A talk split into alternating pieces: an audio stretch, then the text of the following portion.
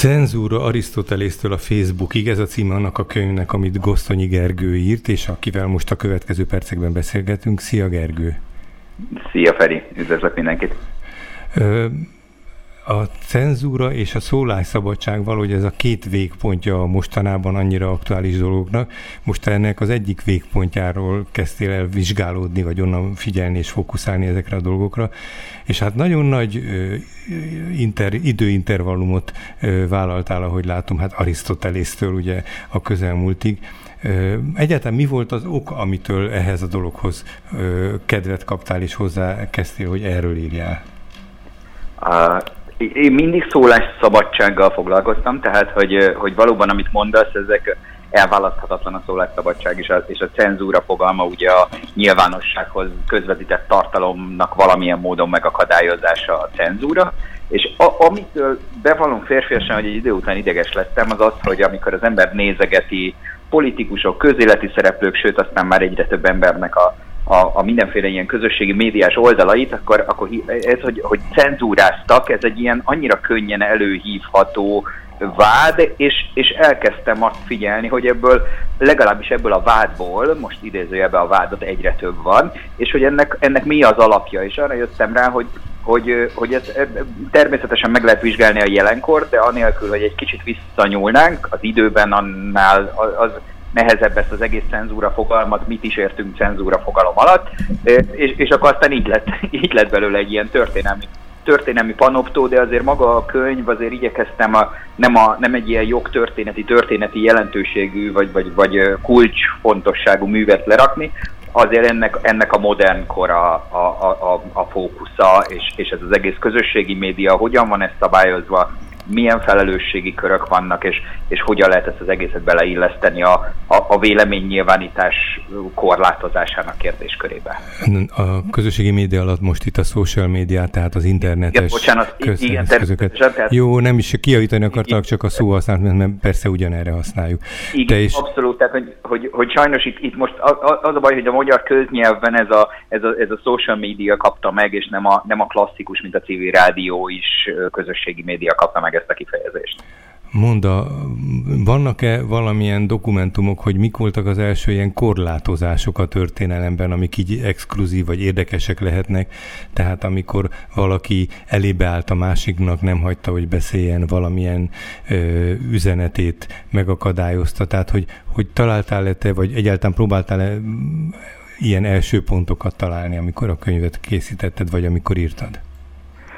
Ugye nyilván, ahogy megyünk visszafele, a, visszafele az időben, maga a konkrét források azért természetesen sajnos egyre kevesebbek, vagy egyre kevesebb áll rendelkezésünkre. Úgyhogy amikor aztán itt már nagyon jól dokumentálható forrásaink vannak, azért az a középkor középkor időszaka, de próbáltam visszamenni az ókorba. Hát legalább ilyen anekdotikus történetek.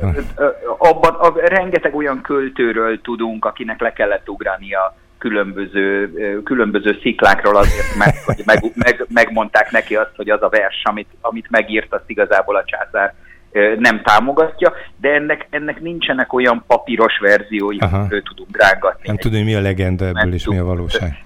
Igen, ez, ez, ez nyilván nagyon nehéz, de aztán amikor, de az, hogy itt, itt valami módon az állam volt az, aki ezt befolyásolta, az egyértelműnek tűnik. És aztán, amikor ugye az egyház megerősödik, akkor, akkor, akkor az derül ki, hogy aztán, ahogy haladunk előre a történelmi korokban, úgy az állam és az egyház kvázi kézen fogva cenzúrázza, vagy, vagy akadályozza meg a nyílt beszédet, és ennek aztán természetesen ugye, most nem akarok belemenni ilyen inkvizitórikus történetekbe, de a leghíresebb példája ennek, hogy volt egy konkrétan egy Index Librorum Prohibitorum nevű könyv, vagy kiadvány, ugye ez az Index, amiben, amiben tételesen felsorolták, hogy kik azok a szerzők, akiknek a tartalmai nem juthatnak el a, a nagy nyilvánossághoz. Nyilván most a nagy nyilvánosságot nem pont a mai értelemben, tehát a, a nagy azért az akkor más volt, mint ma, de hogy az, amelyik nem, nem kerülhetnek a, a, a közönség elé. Egyébként zárójelben innen jön magyarul a, az indexre tesz kifejezés Aha. is, tehát ugye a, a, ez, a, ez, a, ez a kifejezés ez ebből az indexből, indexből adódik, és hogyha már mondtad, hogy, hogy valamilyen anekdotikus sztori is legyen, akkor nekem a kedvencem az, amikor amikor a, ezt az indexet beletették az indexbe, tehát egy ilyen önfarkába, önfarkába harapó kígyót sikerült létrehozni, hogy, hogy ne lehessen megtudni azt, hogy mi van indexre téve, ami ugye nyilvánvalóan érezzük, hogy egy ilyen teljesen megfoghatatlan jogi meg, meg gyakorlati szituáció. Azt hittem, akkor most, most így még nagyobb a poén valóban, hogy mondtad, hogy az Index című labba került bele ez a dolog, úgyhogy az egy újabb nem, csavar lehetett volna. Nem, igen, igen, igen. Na hát nem. Ez, a, ez a szabályozási szándék, ez minden hatalmi helyzettel, akár gazdasági, akár közigazgatási vagy politikai hatalommal rendelkezik valaki, valóban színűleg könnyen megjelenik, és ezért van ez a, nem akarom most, hogy ebbe belemenjünk, de ez a súlyok és ellensúlyok rendszer, amelyik valamilyen módon ezt korrigálni, vagy kont kontrollálni tudja. De hát a, a, a nagyon sokféle és nagyon leleményes tiltás meg indexretétel nagyon nehéz helyzetbe került az internetnek a kibomlásakor. Ez egy, ez egy ilyen új helyzet lett. Egy pár szót erről beszéljünk, hogy mit jelentett ez a szabadság, illetve hát, hogy mostanában milyen reflexek indulnak, hogy mégis valamilyen intézményesítés, valamilyen szabályozás, garanciák esetleg legyenek, ennek különböző vérmérsékletei, változatairól írsz, ahogy itt nézem az összefoglalóban. Igen, ugye, ugye maga az internet megjelenése az azért volt egy nagyon izgalmas fejlődési pont nagyon sok szempontból, de azért volt nagyon izgalmas fejlődési pontja szerintem a média kialakulásának, mert hogy nagyon sokan elhitték azt, hogy ez tényleg egy olyan kommunikációs forma lesz, ahol majd aztán a tömegek, megjelennek, és a, és a tömegek pedig mindenfajta kontroll nélkül szabadon véleményt nyilváníthatnak. Ezzel igazából a következő volt a probléma, ezt úgy neveztük annó, hogy egy ilyen jogmentes tér. Kicsit van egy, van egy Alfred ilyen, C. nevű amerikai professzor, aki ezt, ezt úgy mondta analógiával, ez nagyon érdekes szerintem, hogy ez olyan volt, mint a vadnyugat, hogy ugye az ember úgy bemegy a kocsmába, tudod ott a lengőajtón. Lő kettőt és iszik kettőt. Az ajtót. Igen, csak aztán kiderült, hogy hogyha én lövök be kettőt, és esetleg nem találok el, és mondjuk vannak be 30 a kocsmába, akkor nekik is van fegyverük. Tehát, hogy igazából azért az, ez, ez, ez a teljes körű szabadság és ez a teljes szabályozatlan struktúra, ez nagyon-nagyon hamar megkérdőjeleződött. És, és ugye természetesen azért, amikor ez az, az egész fejlődött, és, és olyan érdekes azt végig gondolni, hogy azért amikor ez a 90-es évek közepéről beszélünk itt, akkor azért, azért a világban mondjuk összesen 20-30 millió ember internetezett. Tehát, hogy, hogy azért ezek nagyon-nagyon más arányok, mint most, amikor több milliárd. Igen, igen. Majdnem 60%-os az arány az internet penetráció a világban. Úgyhogy ebből következően az derült ki, ugye ezek főleg ilyen nagy amerikai cégek voltak, vagy akkor még nem voltak nagyok, de, de hogy ezek a, a, a, a CompuServe, a Prodigy, az Amazon, tehát van egy-kettő az eBay, amik ma is léteznek, még a legtöbb az ma már egyébként nem létezik, de hogy az derült ki, hogy ha ezt egy ilyen teljes felelőtlenségi körbe fogjuk megcsinálni, vagy, vagy, vagy képzeljük el, akkor, akkor ez, ez nem működhet, mert, mert azokért a tartalmakért, amit a felhasználók föl fognak tölteni ezekre a, a, kicsit másképpen működtek, akkor mondjuk úgy kell elképzelni, mint mondjuk egy ilyen fórumot, uh-huh. amit ezekre föltöltenek, akkor, és, és ezekért nem a felhasználók vállalják a felelősséget, hanem a szolgáltatók, akkor ezeket a szolgáltatóknak a gatyájukat le fogják perelni. És ebből következően Amerikában kialakult egy olyan szabályozás, ez 96-ban történt, ez volt a Communication Decency Act, ugye a tisztességes kommunikációról szóló törvény, ami, ami azt mondta, hogy kvázi ezek a szolgáltatók, ezek nem felelősek azért, ami raj, rájuk fölkerül.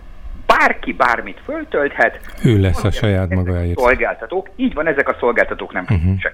És ennek, ennek két nagyon izgalmas iránya volt. Az egyik iránya az volt, hogy lehetővé tette azt, hogy ezek a cégek, ezek világcégekké váljanak.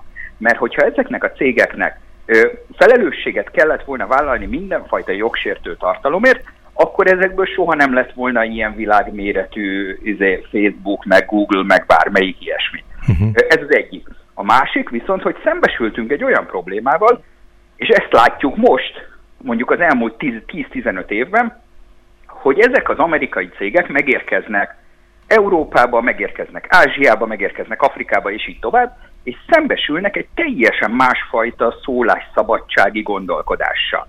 És azok az összeütközések, amiket folyamatosan látunk, az ebből is adódik, hogy ők abba szocializálódtak, már hogyha egy cég tud szocializálódni, hogy felelőtlenek. Uh-huh. Mi meg Európában azt gondoljuk például, hogy a médiának igenis van társadalmi felelőssége, igenis van demokráciafejlesztési felelőssége, igenis van kulturális felelőssége, és ebből következően ezek az összeütközések, ezek, ezek nagyon izgalmas vitákhoz vezetnek. Ezek máig se zárultak le, ha jól gondolom, tehát ezek jelenlévő. Nem. Ezek abszolút jelenlévő viták. E feszültségek, igen. És Európában a 2000-es években kialakult egy másfajta szabályozás, ahol, ahol szintén az a fő szabály, hogy nem felelősek, de vannak bizonyos esetek, amikor mégis. Tehát, uh-huh. ha mondjuk a, a értesítést kapnak, nagyon sok problémája van ennek, erre most nem mennék bele, mert ez valószínűleg csak 500 jogászt érdekel a, a Európába, de hogy, de hogy vannak, vannak meghatározott szabályok, hogy amennyiben értesítést kapnak, vagy amennyiben nem tesznek lépéseket, akkor felelősek. Tehát ez az európai. Aha. Egy picit más. És van a harmadik, a Kína. Ez az Ázsia. Uh-huh. Orosz irány, ami pedig azt mondja, hogy ne vacakoljunk ezzel, az internetes portál az pont olyan, mint egy sajtótermék, felelősséget vállal, kész, ennyi. És, és ez a három irány nagyon-nagyon másképpen szabályoz, és nagyon-nagyon másképpen engedi a tartalmat nyilvánosságra hozatalát, hiszen nagyon más, hogyha tudom, hogy felelős vagyok a jogsértő tartalomért, és nagyon más, hogyha tudom, hogy kvázi bármit megengedhetek. Nagyon izgalmas. Azt hinni az ember, hogy itt egy ilyen jogászi fondorlatról van csak szó, és egy szürke leírásról, és közben nagyon erősen a hétköznapi életünkbe bele ágyazódik, amiről írsz, és amiről most beszélgettünk. Minden esetre mondjuk el, hogy a hallgatóknak, aki érdek, akit érdekel, cenzúra Arisztotelésztől a Facebookig, a kiadót azt hirtelen nem tudom, nem találom. Azt. Igen, a, a, a gondolat kiadó, gondolatkiadó.hu, uh-huh. és egyébként azt nem tudom, szabad-e ilyet mondani, de érdemes fölvenni, mert, mert ha valaki megy, akkor kedvezménnyel lehet ö, megszerezni a könyvet. Uh-huh. Na hát akkor ajánljuk ezt a kedves hallgatók figyelmébe. Erről napestig el tudnánk beszélni, illetve hát nagyon izgalmas lenne majd egyszer visszatérni a könyvnek a hatására, meg hát, hogy milyen vannak-e optimumok Magyarország körülbelül hova sorolható. Ezek most nem férnek egy villámbeszélgetésbe, de arról, arra viszont jó volt ez mindenképp, hogy szerintem az érdeklődést felkeltse. Ezt elsősorban persze a te érdemed. Nagyon szépen köszönöm. Gosztonyi Gergely volt a vendégünk. Cenzúra Arisztotelésztől a Facebookig keressék ezt a kemény táblás könyvet.